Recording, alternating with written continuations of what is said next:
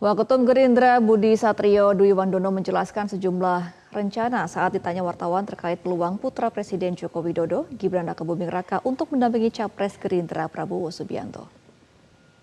Potensi Mas Gibran jadi cawapres Pak Prabowo gimana sekarang? Apalagi udah dibolehin nih. Ya kita sekali lagi ya, kita menghargai apa yang telah diputuskan Mahkamah Konstitusi.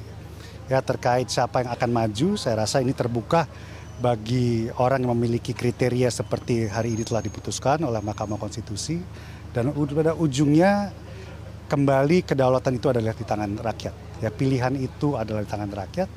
Untuk itu segala sesuatu khususnya langkah-langkah strategis termasuk calon wakil presiden dari koalisi Indonesia Maju akan ditentukan bersama dan saya rasa di beberapa momen ke depan ini akan benar-benar dikerucutkan insya Allah pada waktu yang dekat akan diumumkan. Jelajahi cara baru mendapatkan informasi. Download Metro TV Extend sekarang.